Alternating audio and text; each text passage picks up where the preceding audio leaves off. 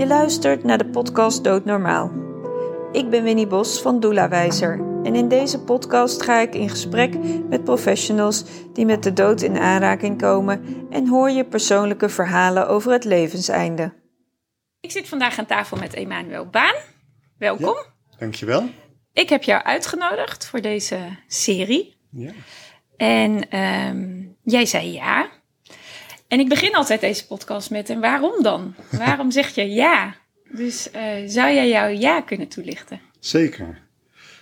Omdat ik het heel leuk vind om over mijn vak te kunnen praten. En de dood inderdaad, wat in jouw podcast vaak voortkomt, een ondergeschoven kindje is.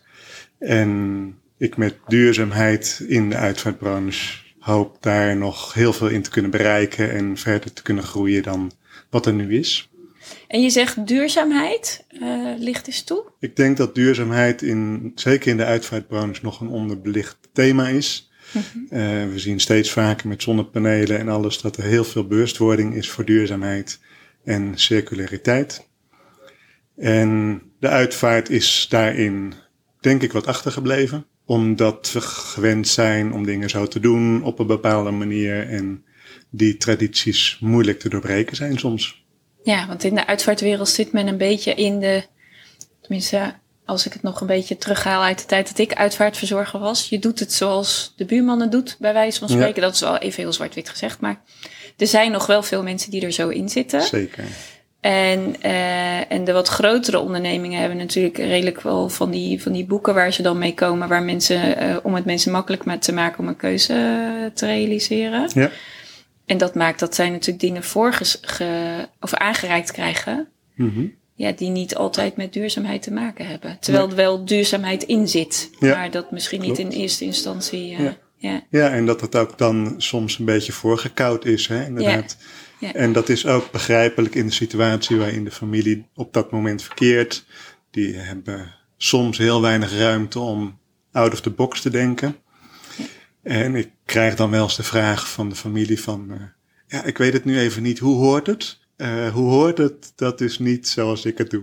Nee, nee. Ja, maar dat is mooi, hè? Dan dus dat, ga ik echt onderzoeken van wat past er bij jullie. Maar dat is mooi, hè? Dat eigenlijk direct de vraag opkomt, dat als mensen het niet weten, dat de vraag, hoe hoort het? Ja. Dan op tafel uh, ja. wordt gelegd. ja.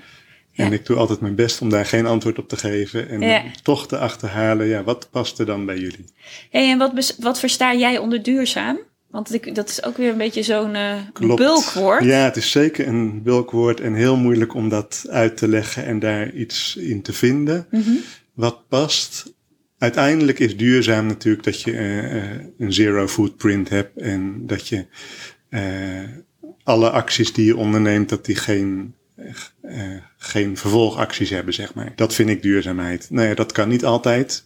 Dus ik ga op zoek wat is de next best thing. Dus hoe kunnen we het net iets minder impact laten hebben. En dan zie je bijvoorbeeld dat er tegenwoordig uh, elektrische crematieovens zijn in plaats van gasgestookt. En uh, biologische catering uh, in plaats van regulier. Nou ja, zo zijn er van allerlei details mogelijk. Ik ben sinds kort betrokken met een, bij een initiatief van, wat vanuit Amerika komt, Recompose Live. Dat uh, het lichaam tot compost wordt ge, omgevormd. En daar heb je echt circulair, zeg maar, wat, wat voor het eerst wat dat betreft in de uitvaart uh, met het lichaam, dat het echt helemaal circulair is. En wat, wat is dat dan? Dat, dat uh, wat uit Amerika komt? Ja, uh, ze zijn daar begonnen met het composteren, wat eigenlijk wel een bekende variant is, naast begraven en cremeren. En eigenlijk een stapje daarvoor is waar de Nederlandse regering nu mee bezig is, te resumeren, dat het lichaam in water wordt opgelost. En zij hebben met technieken, met schimmels en bacteriën een proces gecreëerd waardoor het lichaam binnen 30 dagen helemaal tot compost is vergaan. Ja, en dat is zonder energie, of met heel weinig energie geloof ik. Ik geloof wel met warmte, maar niet met een hitte zoals een oven. Composteert dat gewoon helemaal in, in aarde, wat je of in je eigen tuin kunt brengen, of in een plantsoen, of in een bijvoorbeeld een herinneringsberg, wat ergens in Nederland kan komen, waardoor mhm. je gewoon ook het ruimtegebrek wat we hier in Nederland hebben, dat het daar geen effect meer op heeft, geen, geen impact. Begrijp ik het goed dat wat jij zegt wat uit Amerika komt, dat het iets anders is dan resumeren, wat nu uh, een mogelijkheid gaat worden in Nederland? Ja, ja resumeren is het. Uh, dat is het in water oplossen, oplossen. in water. En daar heb je ook wel weer chemicaliën voor nodig. En wat ik daar zelf, ja, nog, waar ik nog vragen bij heb, wat gebeurt er vervolgens met het water? Hè? Want dat is toch iets van, nou ja, net als met de as na een crematie, wat, wat gebeurt daarmee? En in de test hebben ze het erover, dat kan gewoon in het riool of in het oppervlaktewater teruggebracht worden. Ja, ik wil natuurlijk niet dat de overblijfselen van iemand die dierbaar is in het riool terechtkomen. Dus dat zijn allemaal nog van die dingen die worden uitgezocht. Naast dat er gewoon chemicaliën voor nodig zijn om het op te lossen. Mhm. Die wel weer geneutraliseerd kunnen worden. Maar toch heb je die grondstoffen weer nodig. En het composteren betekent echt met uh, houtsnippers en schimmels en die worden om het lichaam heen gelegd in een soort kokon. En met die samenstelling wordt het lichaam helemaal tot aarde uh, gereduceerd. Ja. ja. want ik weet ook dat er, uh, er is hier in Nederland iemand die een kist heeft ontwikkeld die volledig uit natuurlijke materialen bestaat. ik weet even niet meer zijn. Loop, ja, die. Ja. ja. En dat is zijn inderdaad, dat is een beetje vergelijkbaar. En die wordt gewoon gebruikt bij een begrafenis. En dat zijn wortels van schimmels die vervolgens heel snel inderdaad het lichaam ook kunnen omzetten tot aarde. Hmm. Dus dat is heel erg vergelijkbaar. En die is, gaat dan in het graf. Dus dan heb je alsnog wel de, het beslag nemen van de hmm. ruimte. En dat is met die Recompose zou dat dan ook anders kunnen. Maar dat is echt nog in ontwikkeling, begrijp ik? Dat is uh, in Amerika net toegelaten in een paar staten. Oh, dat het toegestaan is om op die manier te gebruiken? Ja. Oh, oké. Ja. En uh, Nederland uh, is nu dus met het resumeren bezig. Daar komt de wetgeving volgend jaar die dat toelaat. Ja, dan zal een volgende stap moeten zijn dat we ook hier naar gaan kijken. Oh, ik had het idee dat dat resumeren afgelopen november al was. Ja, het is allemaal zeg maar voorbereid in de wetgeving. En het oh. voorstel ligt er. En dan zal de volgende regering daar uh, een besluit over nemen dat dat ook die wet aangenomen wordt. Die wet is nog niet aangenomen. Oh, er is nog geen klap opgegeven. Ah, ik dacht dat al, dat, dat, dat, dat cirkeltje al rond was. Maar ja, goed. Praktisch helemaal. Ik lees geen nieuws. Hè, dus dan uh, zie ik informatie voorbij komen en denk ik, oh, het is akkoord. Maar ja, dan lees ik waarschijnlijk niet verder genoeg. Nee, maakt het niet uit. Als je het hebt over duurzaam, kan ik me ook voorstellen. Bijvoorbeeld uh, als je dan toch in een kist wil, of als je geen kist zou willen gebruiken, dat je in een lijkwade zou kunnen. En dat dat ook allemaal wel onderdelen zouden kunnen zijn die als zijnde duurzaam zou kunnen uh, bestendigen. Ja, zeker. Ja. ja. En als je dan zeg maar de, de niet fineer, maar hoe heet die kisten ook alweer? Eh, de multiplex. Ja, de multiplex. Uh, ja. Uh, ja. dat zijn natuurlijk Klopt, best ook wel chemische. Dan heb je lijm, weer lijm nodig of, of een geverfde kist. heb je weer verf nodig. Dus ja, massief hout is dan natuurlijk, natuurlijk alweer ietsjes beter. En FSC hout is weer een stukje beter. waar ik met de families vaak gebruik van maak, omdat dan ook op de een of andere manier families met zo'n duurzame achtergrond ook bij mij komen, is dat ze dan een mand kiezen met uit oh wilgetenen. Oh ja. dat is ook een... Die wilgetenen groeien in één, één jaar in Nederland. Dus het is allemaal heel erg lokaal.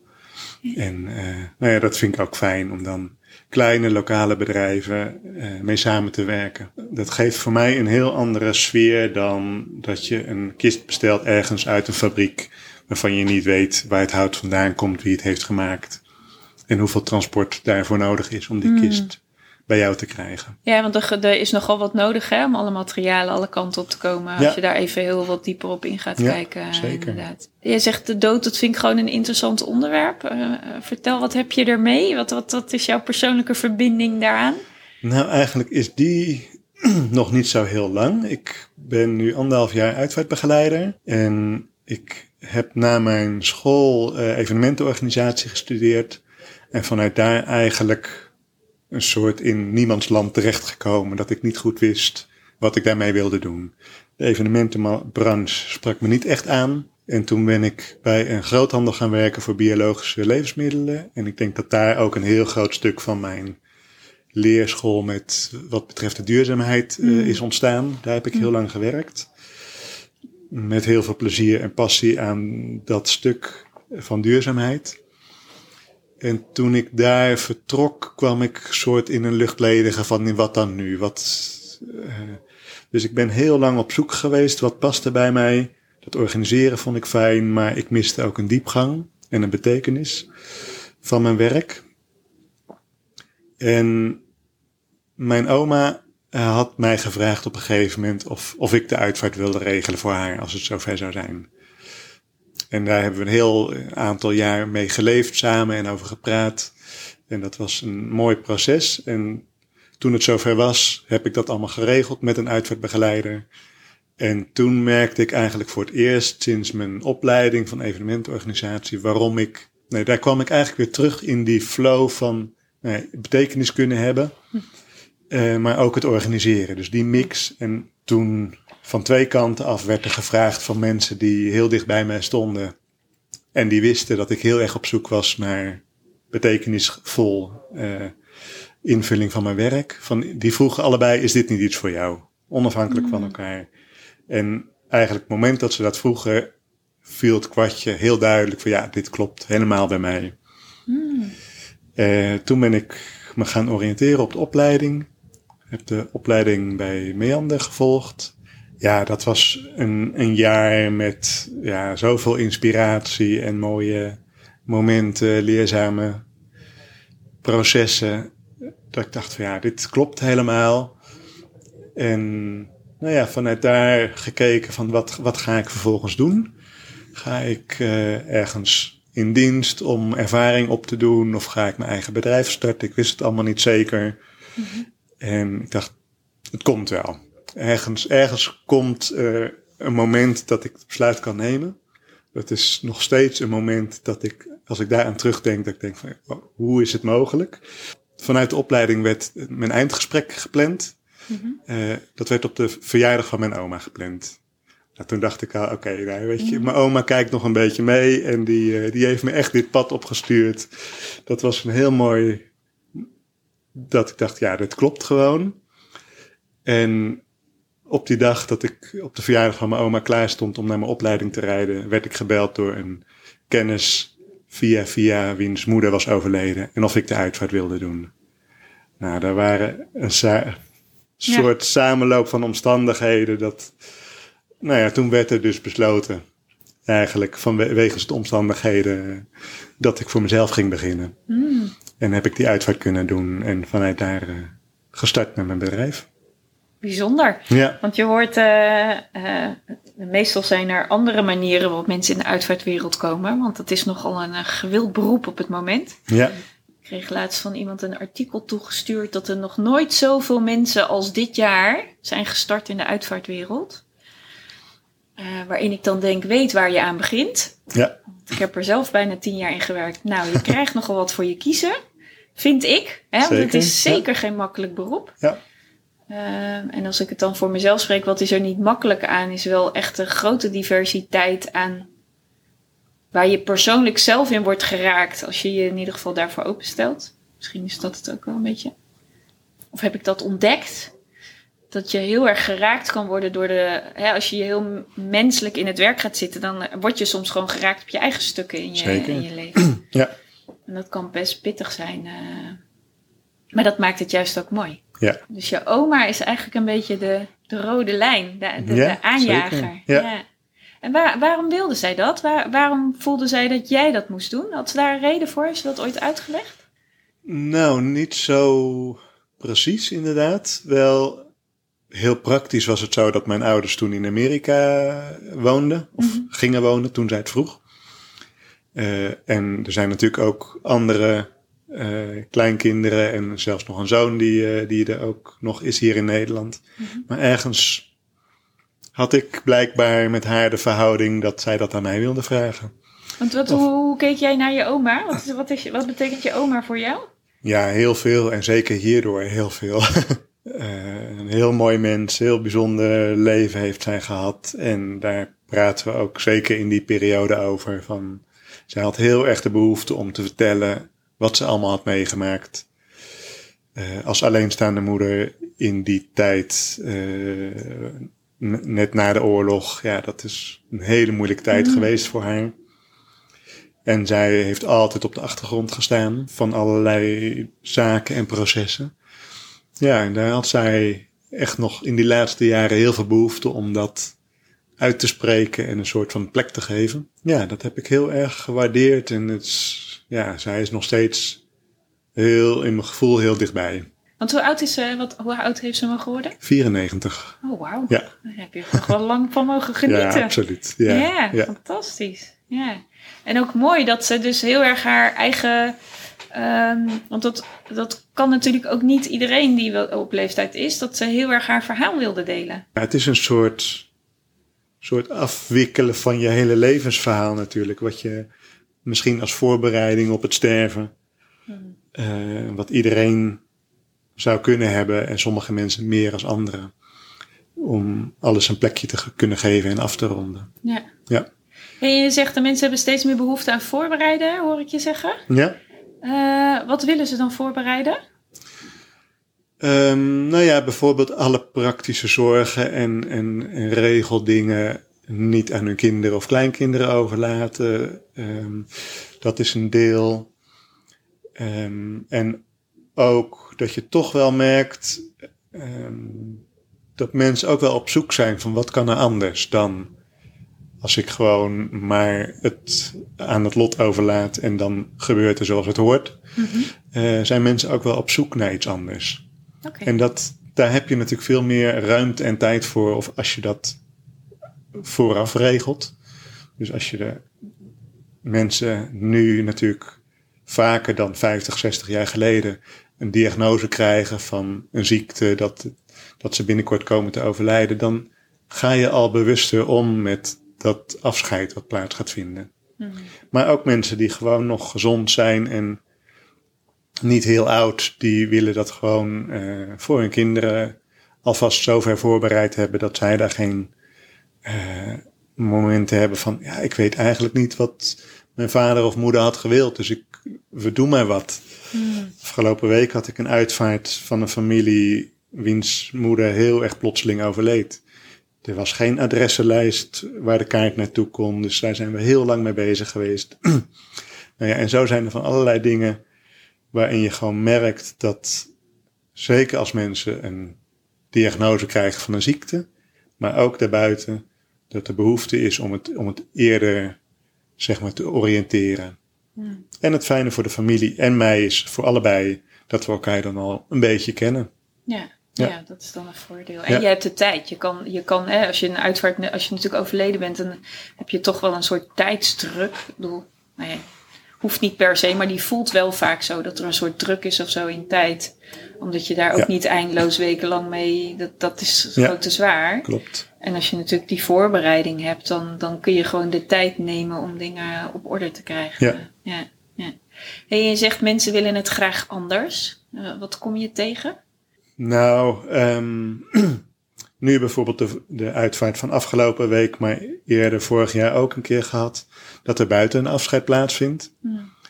Zeker nu met corona is dat fijn, dan heb je de ruimte en de anderhalve meter en de frisse lucht.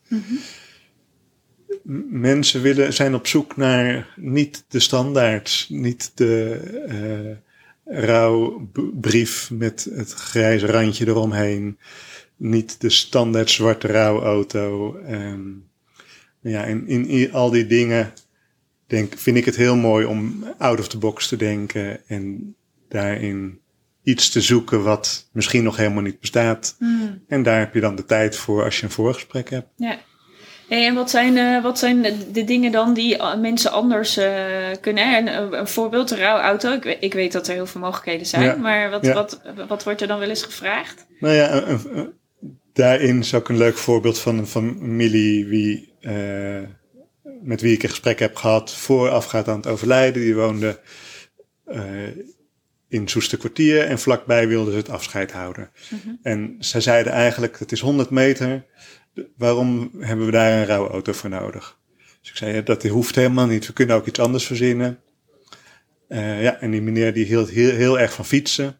Dus ik zei, nou, dan gaan we op zoek naar een manier om fietsend van hier naar die afscheidslocatie te gaan. En van daar weer naar het crematorium. Nou ja, de dichtstbijzijnde fiets die ik kon vinden moest ergens ver weg uit Groningen, geloof ik, komen. Dus ik dacht, nou, dat is ook geen optie. Dus toen heb ik eigenlijk vanuit dat idee met die familie een bakfiets gekocht. En die omgebouwd tot rouwbakfiets. Oh. En daar kunnen families dus de mand of de kist eh, in de fiets vanuit huis naar de afscheidslocatie fietsen. Uh, met de familie die er achteraan fietst, met rouwvlaggetjes op de fiets, die er ook nog niet bestonden in Nederland, dus die heb ik ook gemaakt. Ja, zo vind ik het leuk om echt te zoeken naar dingen die passen en die nog niet bestaan, uh, ja. om die mogelijk te maken. Ja, mooi. Ja, want er zijn ook dingen als uh, uh, een uitvaartbus en een koets met paarden. Ja. En in plaats van de zwarte auto, de witte of de grijze. En ik geloof dat er zelfs een blauwe bestaat. Ja, en je, goed, hebt, er zijn... je hebt er zelfs eentje met tijgerprint. Oh, echt? ja. Met tijgerprint? Wat, op de auto? Op de auto. Echt serieus? Ja, echt serieus. Oké, okay, ja, ik weet wel dat je de oldtimers hebt. Je kunt ook nog wel zo'n oldtimer. Ja, een bedmobiel heb je. Een wat? Een Batmobile van Batman. Zo'n, zo'n uh, ja. Oh, serieus? Ja, je hebt de meest uh, oh. bijzondere oh, dingen. Maar ook bijvoorbeeld uh, een Volkswagen busje, zo'n hippie busje. Of, oh ja. Maar je zou zelfs in je eigen auto kunnen als, Ja. daar, als je een, Ja. daar een ruime auto voor hebt. Dus er kan heel veel. En En ik dat, kwam laatst tegen zelfs een rauw caravan. Dat je bij wijze van spreken in de caravan achter de auto... eh, ja, dan kun je inderdaad met je eigen auto en dan alleen de caravan erachter hangen. ja. Dus ja, dat vind ik leuk en mooi, omdat je dan gewoon met de familie iets kunt ja. zoeken wat bij hen past Ja. en in de situatie. Ja, het is wel grappig, want ik, eh, wat nu bij mij opkomt is, ik heb zelf ooit een uitvaartrecht, dat was voor mij echt een hele uitdaging. Ik dacht, hoe gaan we dat doen dan? Dat was eigenaar van een heel groot transportbedrijf. En die kinderen zeiden, vader gaat op de trailer. Ik dacht, vader gaat op de trailer? Ja. Oké. Hoe, ga- hoe, hoe gaan we dat doen? En die man was ook nog best al eh, fors. Ja, Dus daar moest sowieso al een uitzonderlijke kist voor komen. Maar toen dacht ik, op de trailer. Dat gaan wij regelen, zeiden die jongens. Ik Ja. dacht, oké, ik laat hem los. geweldig. ja.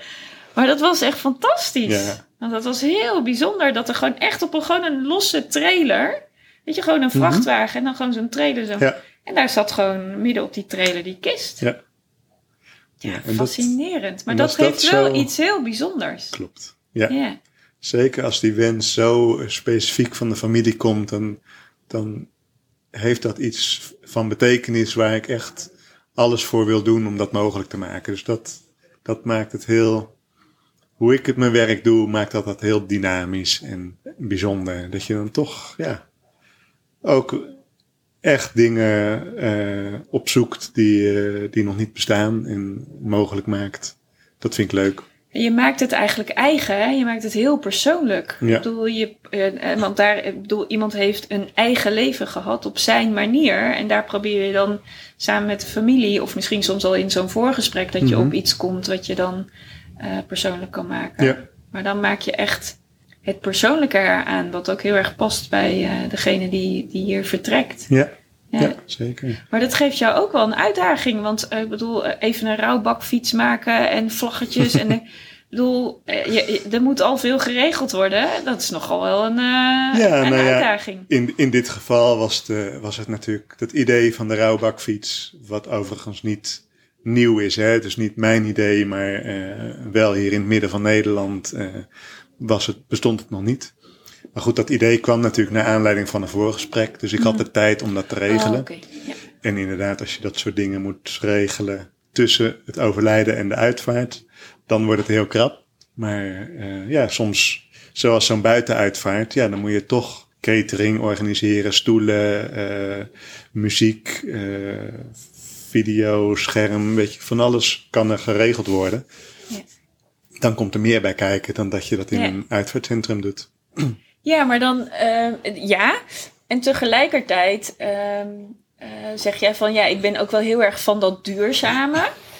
En dan denk ik, ja, eh, ik voel daar een beetje wringing, zeg maar. Mhm. Als ik dan denk ik, oké, je maakt dan geen gebruik van de, al de bestaande locaties. Je maakt gebruik van een buitenlocatie. Maar je moet dan wel al die verschillende partijen weer naar die ene plek laten komen. Ja, ja. Dus hoe doe je dat dan, zeg maar, organi- organisatorisch, zodat het toch ook nog een beetje duurzaam is? Ja, net als we eerder in het gesprek zeiden, soms kan het allemaal niet anders. Hè? Dus nee.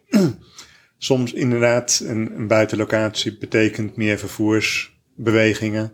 Maar ja, je, je kunt het niet helemaal eh, zero eh, eh, footprint doen. Ik ben altijd op zoek naar wat is, wat is er wel mogelijk. En het, ja, het moet een mix zijn tussen wat past er bij de familie en wat, wat is er mogelijk. En dan is het soms past het beter om buiten een afscheid te hebben, omdat je dan toch met of meer mensen kunt zijn die, omdat er zo bij zo'n onverwacht overlijden of een jong iemand toch nog heel veel meer mensen betrokken zijn dan als iemand 94 is, zoals bij een oma. En dan zijn er op een gegeven moment worden, komen er natuurlijk steeds minder mensen die om zo iemand heen staan. Dus dat is een afweging die eigenlijk ontstaat in het gesprek met de familie. Van ja, wat past er bij jullie qua duurzaamheid? Daar komen ze meestal zelf mee. Um, dat ze bijvoorbeeld um, ja, de, de catering biologisch willen. Of dat ze het vervoer, dat ze op de fiets willen in plaats van met de auto. Ja, en zo, zo ga je op ja, zoek. en dan ga je vanaf daar ga je gewoon verder kijken, wat, wat kan er dan? Ja. En soms doe je dan gewoon concessies in van, oké, de insteek is wel om het zo duurzaam mogelijk te maken, maar daar heb je ook gewoon je beperkingen in. Ja, Ja, en dat is ook oké. Ja. Je kunt niet alles doen, maar je kunt wel je uiterste best doen om Tuurlijk, daaraan ja. te denken. want het ja. meest duurzame is natuurlijk dat we geen afscheid nemen en dat we iemand in ons alleen met, met de kinderen op de fiets naar het crematorium brengen en dat er verder niks is. Ja, Ja, dat is niet, nee. Natuurlijk, dat is geen afscheid en daar help je de familie niet mee verder. Want dat is het belangrijkste van een afscheid, dat, je, dat de familie Ja. verder gaat Ja. eigenlijk met het verlies, verder kan gaan met het verlies. Ja, en je hebt natuurlijk soms wel eens dat je niet afscheid kan nemen met, eh, met een lichaam als mensen hun lichaam ter beschikking van de wetenschap hebben Ja. gesteld. Ja, Dan, dan heb je daar geen invloed op. Want Ja. dan is, gaat iemand die overleden is heel snel uit de nabijheid van zijn, klopt. van zijn naaste. Ja, Dat wil niet zeggen dat je dan geen afscheid kan, of tenminste Nee, geen dan- uitvaart kan doen, maar dat is wel iets dan anders. krijgt het een heel andere vorm. Ja, ja. duurzaam. We noemden al een aantal voorbeelden. Nou is er ook het, eh, de verandering in de uitvaartwereld. eh, nou, die jij eigenlijk al een beetje op je eigen manier doet, eh, denk ik. ja. Ehm, maar eh, er is ook volgens mij wel de verandering gaan dat mensen vaker thuis willen worden opgebaard. Omdat dat prettig is. Hè? Zeker. De dagen gewoon iemand heel dicht bij je houden. Nou zijn daar heel veel veranderende bewegingen in. Hè? Je kan dat gewoon doen met een, ja, even heel technisch gezegd, met een koelplaat. En dat iemand op zijn bed ligt en dat soort dingen. ja. Dan heb je daarin ook het balsemen of thanatopraxie noemen ze dat Mhm. ook wel. Bied jij dat aan aan mensen dat dat een mogelijkheid is? Want vanuit het duurzaamheidsperspectief Ja. is dat misschien weer een lastige. Nou ja, vanuit eh, mijn achtergrond en blijkbaar dus ook de mensen die op de een of andere manier bij mij komen, is het inderdaad vaak de vraag of, eh, om dat zo duurzaam mogelijk te doen met eh, twee andere methodes die er ook mogelijk zijn naast de, de koeling. Ehm, dat is met biozak. Daar is eigenlijk eh, een, komen zakjes op het lichaam met een soort koolstof die eigenlijk de geur en de, het ontbinding remmen. Dan heb je geen koeling nodig. Of eh, wat ik zelf heel mooi vind is uh, graszodenopwaring. Ja, vertel. dan ga je onder het lichaam op de grond, komt er een plank met graszoden. En door die te besproeien met water en eh, nou, een goede dikke laag aarde onder de graszoden, dus niet zo'n grasmatje wat je in de winkel koopt, dat die aarde en het groeiproces van het gras, die, die absorberen eigenlijk de warmte uit de ruimte. Waardoor de koeling ook eh, een soort eh, de werking heeft van de koeling. Oké, en dus dan hoef je ook geen koeling te gebruiken. Hoef je ook geen koeling te gebruiken. Nee. Ah, nee. bijzonder. En, en, wie verzorgt dat dan? Ik bedoel, kan jij dat zelf doen? Of zijn er partijen die dat... Ja, dat kan ik zelf doen. Dat kan de familie doen. Ehm, en, eh, nou ja, en buiten dat is natuurlijk ook een mogelijkheid om zonder verder, verder ingrijpen het lichaam koel te houden door bijvoorbeeld te zorgen dat de kamertemperatuur laag is. Ehm, en daar, dat gaat ook vaak heel goed. Kijk, heel vaak zijn we bang dat er iets gebeurt met het lichaam, dat er iets gaan ruiken of dat er kleuren ontstaan, waardoor mensen geen afscheid kunnen nemen. Maar als je ze meeneemt eigenlijk in het proces van zo eenvoudig mogelijk het lichaam achterlaten en dat het kan dat de kist of de wade eerder gesloten wordt, dan zijn mensen daarop voorbereid en vinden ze dat vaak ook een mooier moment, een mooiere periode. Ja, wat ik wel mooi vind om te horen, is dat de, de voorbeelden die jij noemt, kende ik niet. Mhm. En ik zie ze ook niet zoveel terug in dat het aandacht krijgt, zeg maar, zodat mensen daarover kunnen lezen. Nee, nee, het klopt. Het is, het is heel onbekend. En dat heeft eigenlijk mee te maken dat we bijna bang zijn, zo, me- zo zie ik het af en toe, om echt te- geconfronteerd te worden met de dood. Als je bijvoorbeeld, eh, terugkomend op jouw vraag bij de thanatopraxie, de balseming kijkt, eh, daarin wordt best wel intensief ingegrepen op het lichaam. En met het als resultaat dat de zichtbaarheid van de dood eigenlijk een beetje weggehaald wordt. Dus het lichaam blijft bijna zoals het is tijdens het leven. Nee, daar worden hevige chemicaliën voor gebruikt. Dus dat vind ik, wat eh, vanuit mijn persoonlijke overtuiging, minder, minder ja, heeft niet mijn voorkeur. Als mensen zeggen dat is heel belangrijk voor mij, ik wil dat, zal ik niet zeggen dat mag je niet doen, want daar, dat ga, daar ga ik niet over. Maar ik zal wel uitleggen dat dat natuurlijk met, chemicaliën ehm, toch ook zijn impact heeft. Want die gaan de grond in bij het begraven of worden verbrand bij het cremeren. Wat ik net vertelde, het, het houdt zeg maar het soort van, het besef van de dood houdt het weg.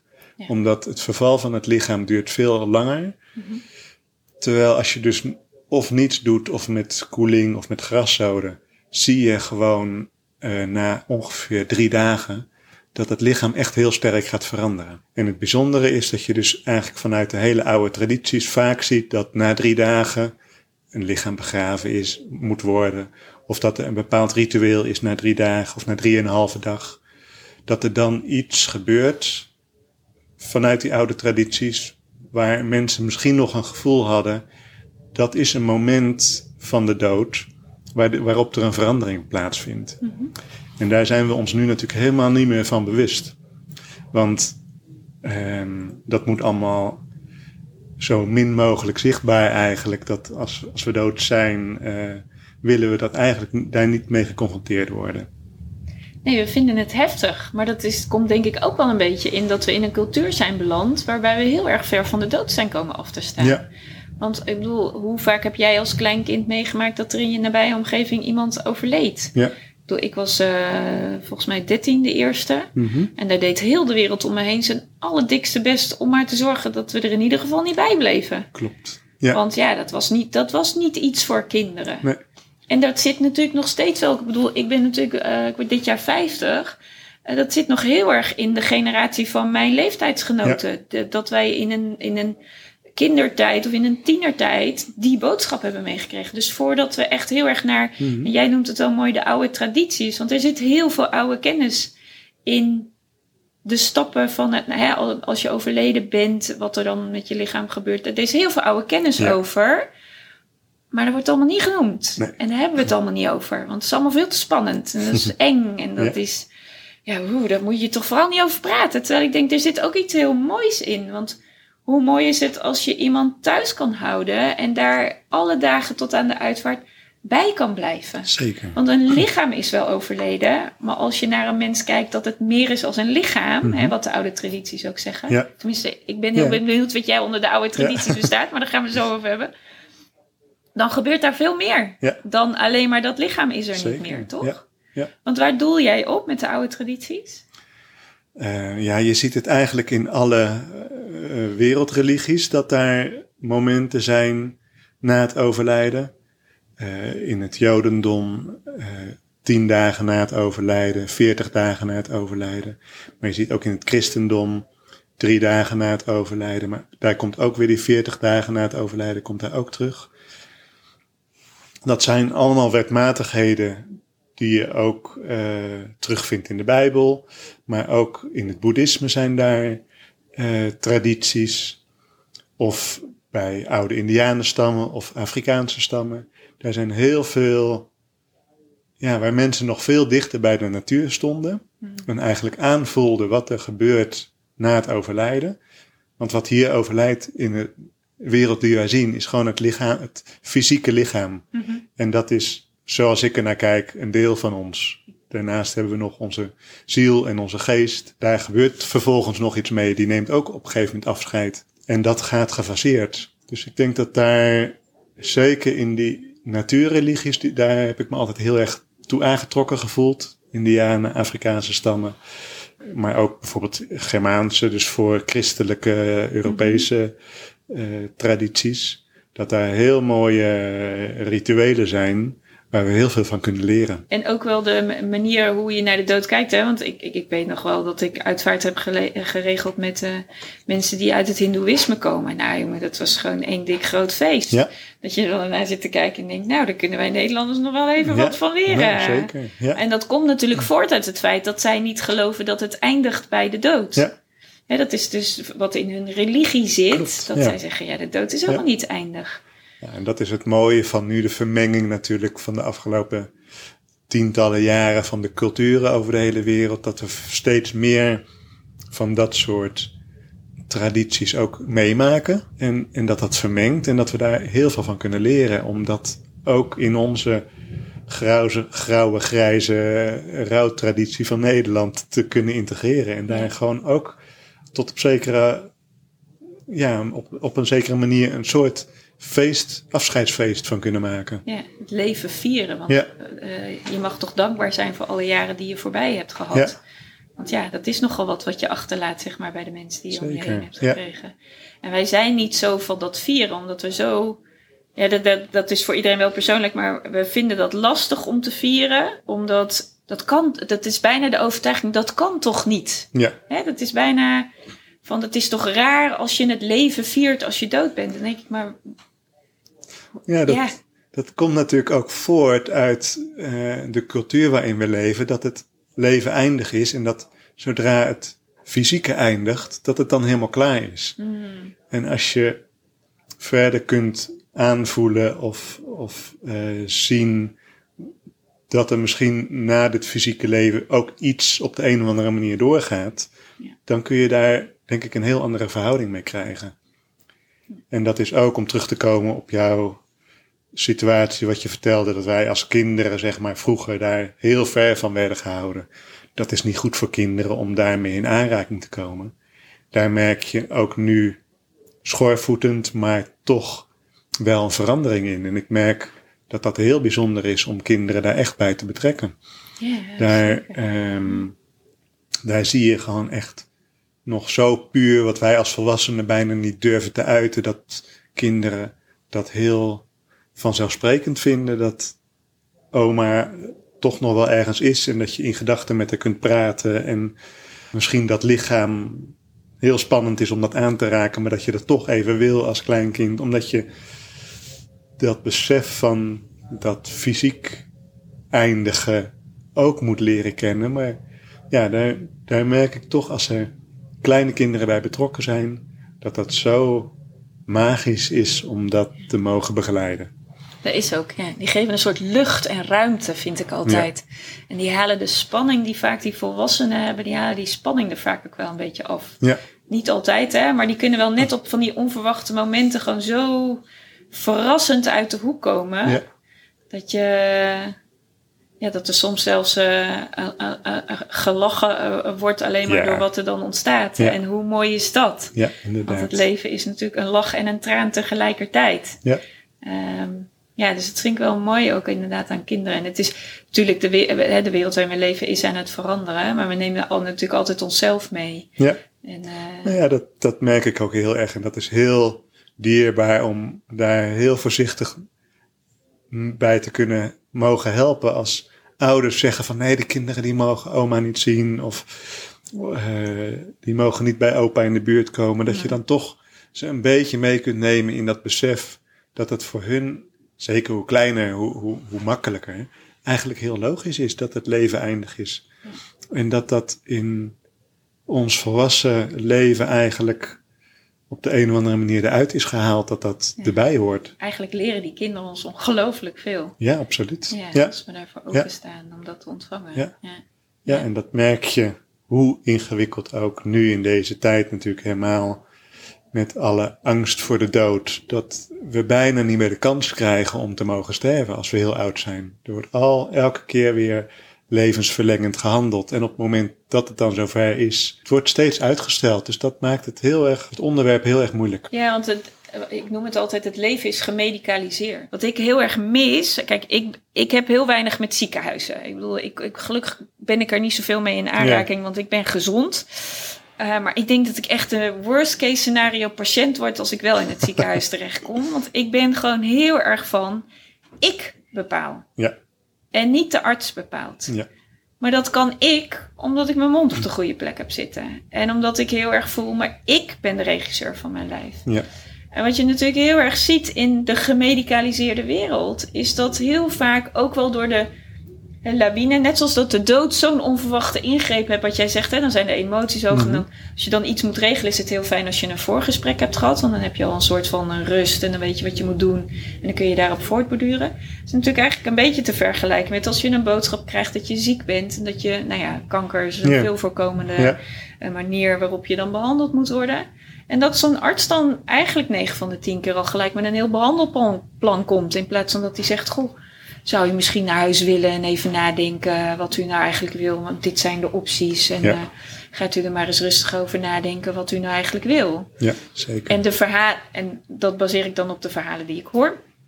Ik heb nog nooit bij iemand aan tafel gezeten die die boodschap heeft gehad. Maar goed, denk ik, de verhalen zijn, zijn vast ook waar. Is dat dan vaak al gewoon heel snel de trein van we gaan behandelen in gang mhm. wordt gezet. Ja. Ja, en dat maakt dat ook wel als je dan eenmaal in die behandelmodus zit, ja, hoe stap je daar dan wanneer, uit? Wanneer, wanneer neem je het besluit ja. nu niet meer verder? Ja. ja, en dat maakt al dat er natuurlijk dat wij steeds verder en verder en verder van die dood afkomen te staan. Ja. En dat we alleen maar denken, nee, maar dood willen we niet. Terwijl het het grootste goed is en een feit waar we niet onderuit komen kunnen. Dood gaan we allemaal. Dood gaan we allemaal. En dat is een ontzettende dooddoener. Maar eh, vaak als we dat zeggen, dan realiseren we ons eigenlijk niet wat we zeggen. En dat is eigenlijk naast duurzaamheid ook echt een missie van mij om te zorgen dat we dat steeds meer kunnen begrijpen en beseffen dat het gewoon belangrijk is dat we met die dood gaan leven. Yeah. En dat we dat accepteren dat het eindig is. Yeah. En dat we niet altijd hoeven te kiezen om levensverlengend te handelen, maar dat het ook op een gegeven moment klaar mag zijn. En dat je dan in rust en vrede en liefde en omringd met, met degene die jij die jou dierbaar zijn, gewoon nog de laatste weken of maanden thuis kunt zijn. Dat is voor sommige mensen zoveel belangrijker dan nog tot de laatste snik aan allerlei apparaten te hangen. En hoe wil jij die verandering brengen? Hoe doe je ja, dat heel klein, heel klein probeer ik dat gewoon om mensen bewust te maken van zo'n voorgesprek, hoe dat dan vaak genoemd wordt, uh, als mensen zich oriënteren op een, op een afscheid met mij uh, om na te denken hoe moet dat afscheid eruit zien. En daarnaast ben ik bezig met het ontwikkelen van uh, wat heel veel uitvaartbedrijven hebben, een wensenboekje. Waar je allemaal kunt aangeven hoe, dat, uh, hoe zo'n afscheid eruit ziet. Maar daarin probeer ik dan echt open vragen te stellen. In plaats van een afvinklijstje van ik wil koffie met cake. Een open vraag te stellen. Hoe, hoe zien de laatste weken of maanden van je leven eruit? Wat is in die periode belangrijk? Voordat het afscheid is, voordat ik in beeld kom. En ik denk door dat soort vragen te stellen en daar mensen op te wijzen, dat hoop ik dat er langzamerhand meer mensen daar bewust voor worden. Dat het niet altijd hoeft te eindigen met allerlei apparaten en uh, ingrepen en levensverlengende maatregelen. Maar dat het ook heel mooi is om gewoon die laatste weken uh, thuis te kunnen zijn. Ik zou het mensen soms zo gunnen dat ze die vraag, dat ze echt bij zichzelf stilstaan. Ondanks het feit dat het heftig is als je hoort dat je ziek bent. Ik bedoel, ja. uh, daar, hè, laat, laat daarin helder zijn. Ja. Dat is helemaal niet fijn als je hoort dat je ziek bent en dat je een vreselijke ziekte hebt. Of uh, dat je niet lang meer te leven hebt. Dat is afschuwelijk. Tuurlijk, het is ontzettend verdrietig ja. en, en heel moeilijk voor veel, veel mensen. Maar inderdaad, de logische stap die er vanuit de medische wereld vaak is, uh, we gaan behandelen. Tuurlijk, soms is dat heel fijn hè, als het kan. Mm. Of heel vaak is het heel fijn dat het kan. Dat is, ja. dat is natuurlijk heel mooi. Maar ja, ik denk dat het goed is om dat mensen bewust worden dat het niet, de, niet altijd de enige mogelijkheid is. Nee, en ik, ik zou het echt de Nederlander, zeg maar, gunnen. Dat je gewoon bij jezelf te raden gaat. En wat wil ik, wat wil ik dan nog in dat laatste stuk? Ja. En dat daar veel meer, ja, is het bewustzijn, uh, ja, nou, ik noem het maar bewustzijn. Mhm, ja.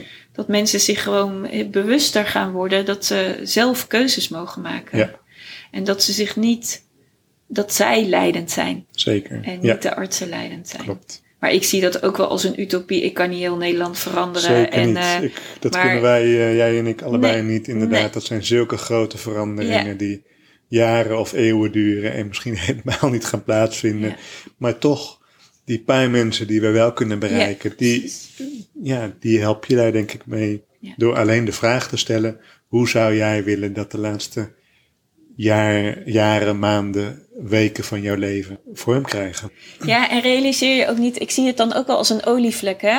Want voor die mensen waar jij dat doet, of voor die mensen waarop ik het verhaal naar buiten breng, eh, degene die je aanraakt, die kunnen het uiteindelijk ook weer verder brengen. Want zij hebben de ervaring van hoe het anders kan. Ja, En op die manier kan je natuurlijk de olievlek gewoon steeds groter Ja. laten worden. ja. En natuurlijk is dat anders als je gewoon een eenpitter bent en dat in je eentje doet. Eh, maar ik zeg altijd, maak de verandering op je eigen vierkante meter. Zeker. En die zal zich dan wel gaan verspreiden. Weet je, als mensen daardoor geraakt worden, gaan ze het verhaal doorvertellen. ja. En dat is de manier waarop je natuurlijk ook gewoon de verandering steeds verder in Zeker, de maatschappij kan brengen. Dus je hebt eigenlijk wel een missie. Op de een of andere manier wel. Ja. Ja, ja, dat, en dat is inderdaad tweeledig met en de duurzaamheid en het accepteren van de eindigheid van het leven. Dat zijn zeker wel. Mensen zeggen het ook wel hè, over dit beroep. Het moet een soort roeping zijn. En dat is, dat is het voor mij ook wel. Het is echt een ingeving geweest dat dit klopt bij mij. eh, en past bij mij. En, en dat ik daar twintig jaar voor nodig heb gehad om dat te vinden. Ook dat past als ik terugkijk. Want ik had dit ook niet 10 of 15 jaar eerder moeten doen. Ik heb die levenservaring die ik in die tijd heb opgebouwd, heb ik heel hard nodig. Eh, mijn kinderen zijn nu op een leeftijd dat het ook veel makkelijker kan om dit beroep uit te oefenen. Eh, dus achteraf is het heel makkelijk zien eh, en herkennen. Maar in die 20 jaar heb ik me wel eens tegen het hoofd geslagen en gezegd: wat ben je nou aan het doen? Waar, waar ga je naartoe? Maar ergens was er altijd een stemmetje ver weg in mijn hoofd die zei: er komt een tijd dat je op je plek zit. Nou, en dat is heel mooi om dat te mogen ervaren. En dat Ja. voelt inderdaad als een missie. Ja, maar hoe mooi is dat, hè? Want ik- geloof altijd, ehm, eh, daar waar je nu bent, daar ben je gebracht met een reden. Hè, dus alles wat je daarvoor hebt gehad, is allemaal een optelsom van wat je nodig hebt Ja. in wat je nu doet. Ja, Hè, als ik ook kijk, ik ben nu 50, ik heb al meerdere malen de dood in mijn leven gehad en ik heb erin gewerkt. En iedere keer dan deed ik de deur weer dicht en dacht ik, nou, ik ben klaar met je. Maar ja, ik kan er heel hard klaar mee zijn, maar hij is toch altijd al die tijd aan mijn deur blijven kloppen. ja. En nu voel ik ook wel gewoon heel erg met, met de missie waar ik mee bezig ben om dat levenseinde dood normaal te maken. Ja, dat ik denk, die- ik kan niet zonder die dood. Ja. Weet je, die dood is voor mij een, een onderwerp waarin ik in de 50 jaar tot nu toe heel veel kennis over heb opgedaan. Door of persoonlijke ervaring of door uit mijn werk als uitvaartverzorger. Deze podcastserie had ik ook niet kunnen maken als ik die ervaring niet had gehad. Nee. Want ik heb allemaal zoveel voorbeelden en dingen die ik zelf ook heb meegemaakt. Waarvan ik denk, ja, dat maakt dat ik daar heel makkelijk het gesprek over aan kan gaan. Ja. Eh, en dat wil niet altijd zeggen dat ik hem in hoef te brengen. eh, Maar die achtergrond is wel een basis waardoor ik me vragen kan stellen of kan doorvragen of whatever. Ja. Dat is wel mooi inderdaad hoe je dat zegt van... eh, eigenlijk ben je heel dankbaar voor dat dat was geweest. Dat het je nu Zeker. heeft gebracht waar Ja. je nu bent. En Ja. hoe mooi is dat dat jouw oma daar een rol in heeft gehad. Om je daar te brengen. Terugkomend op jouw eerste vraag, hè, waarom heb ik ja gezegd? Ja, dat, het levenseinde einde dood normaal maken, dat is zo, komt zo overeen natuurlijk met dat accepteren van de eindigheid van het leven. Mhm. Dat dat gewoon, dat, wat dat betreft past dat heel mooi. En Ja. heb ik natuurlijk vooral ja gezegd, omdat ik die duurzaamheidsvraag Ja. belangrijk vind om die bespreekbaar te maken. Wat jij gewoon heel duidelijk zegt. Je hebt gewoon een keus als je een uitvaart Ja. doet. En je hoeft het niet te doen vanuit de boeken die in tafel, op tafel worden gelegd. Ja, Er is zoveel meer dan de boeken die in de tas van de uitvaartverzorger zit. die blijven bij mij ook altijd zitten totdat we echt niks anders weten. Maar Ja. er, is gewoon meer dan dat. En mensen mogen weten dat het niet een boek is waar ze uit mogen kiezen. Maar dat er een wereld aan hun voeten ligt waaraan ze- waaruit ze kunnen Ja, kiezen. mooi gezegd. Ja. En ik denk dat dat besef dat dat gewoon meer de wereld in mag. En ik denk dat jij dat op jouw manier doet en dat ik dat op mijn manier met, uh, met de dingen die ik uitdraag laat zien. Maak gewoon je eigen keuzes. Ja. Je hoeft echt niet te volgen zoals het hoort. Je mag daarin persoonlijk zijn. Maar doe het wat bij je past. Want dat kunnen wij wel allebei zeggen. Je hoeft het niet te doen. Zeker. Maar als je het niet anders kan, is dat ook oké. Ja, Weet je, dus alles wat je doet is oké, maar weet er kan van alles. Dat en er mag van alles. En, en de wetgeving is er natuurlijk wel, maar daar zijn zoveel dingen Ja. in die anders mogen de, kunnen. wet- de wetgeving heb je bijna nooit last van. Nee. Als, je, als je iets geks verzint, dat mag bijna altijd van de, van de wetgeving. Ja. Dus dat is, dat is heel ruim. Maar mensen hebben wel een beetje hulp nodig in dat denken buiten hoe het hoort, inderdaad. Ja, nou, daar zijn jij en ik voor om dat te zorgen dat dat anders gaat, Ja, toch? ja, en jij doet dat dan heel fysiek bij de mensen aan tafel. En ik hoop dan dat in deze, al deze afleveringen waarin dood bespreekbaar wordt en waarin verhalen verteld worden over hoe mensen hebben, het hebben gedaan en hoe jij dat op jouw manier doet, dat mensen daarvoor wakker worden gemaakt. Zo van, oh, ik ga, het, ik ga me uitspreken en ik laat weten wat ik wil. ja, En dan op die manier eh, hun eigen beweging daarin maken. Volgens mij eh, mogen we hem daarbij laten. ja. Wat denk Ja. jij? Ja, ik zit nog heel even te denken naar Ja. een mooi moment wat ik gisteravond heb gehad. En dat was niet eens een voorbereiding voor dit gesprek. Dus als je het leuk vindt, Ja, graag. nog even oplezen. Het heet Doodzwijgers. Tot in de laatste zin, zwijgend over de dood. Tot en met het laatste woord, stilte. Ik zwijg je met me mee het graf in, tot de dood ons zwijgend scheidt. Geen onze lippen zijn gewend te roeren de woorden die de dood wel kent.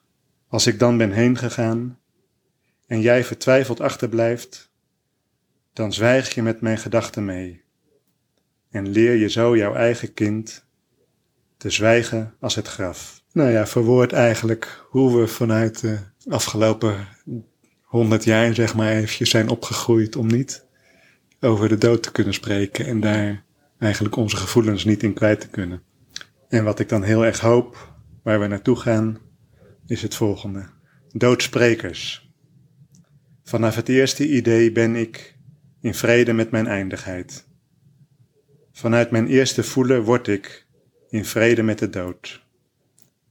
Ik wil je wijzen wat ik voel, wat jou ook eens zal raken, wat onze lippen nauwelijks kennen, en tastend proeven wat de dood omvat. Als ik dan ben heengegaan en jij in liefde achterblijft, dan voel jij met mijn gedachten mee en leer je zo je eigen kind de woorden van mijn ziel.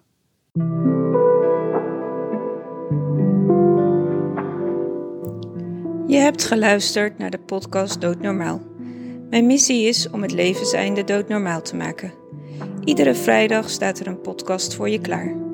Volgende week spreek ik met Janet van Ommeren over hoe het is om als negenjarige je vader te verliezen.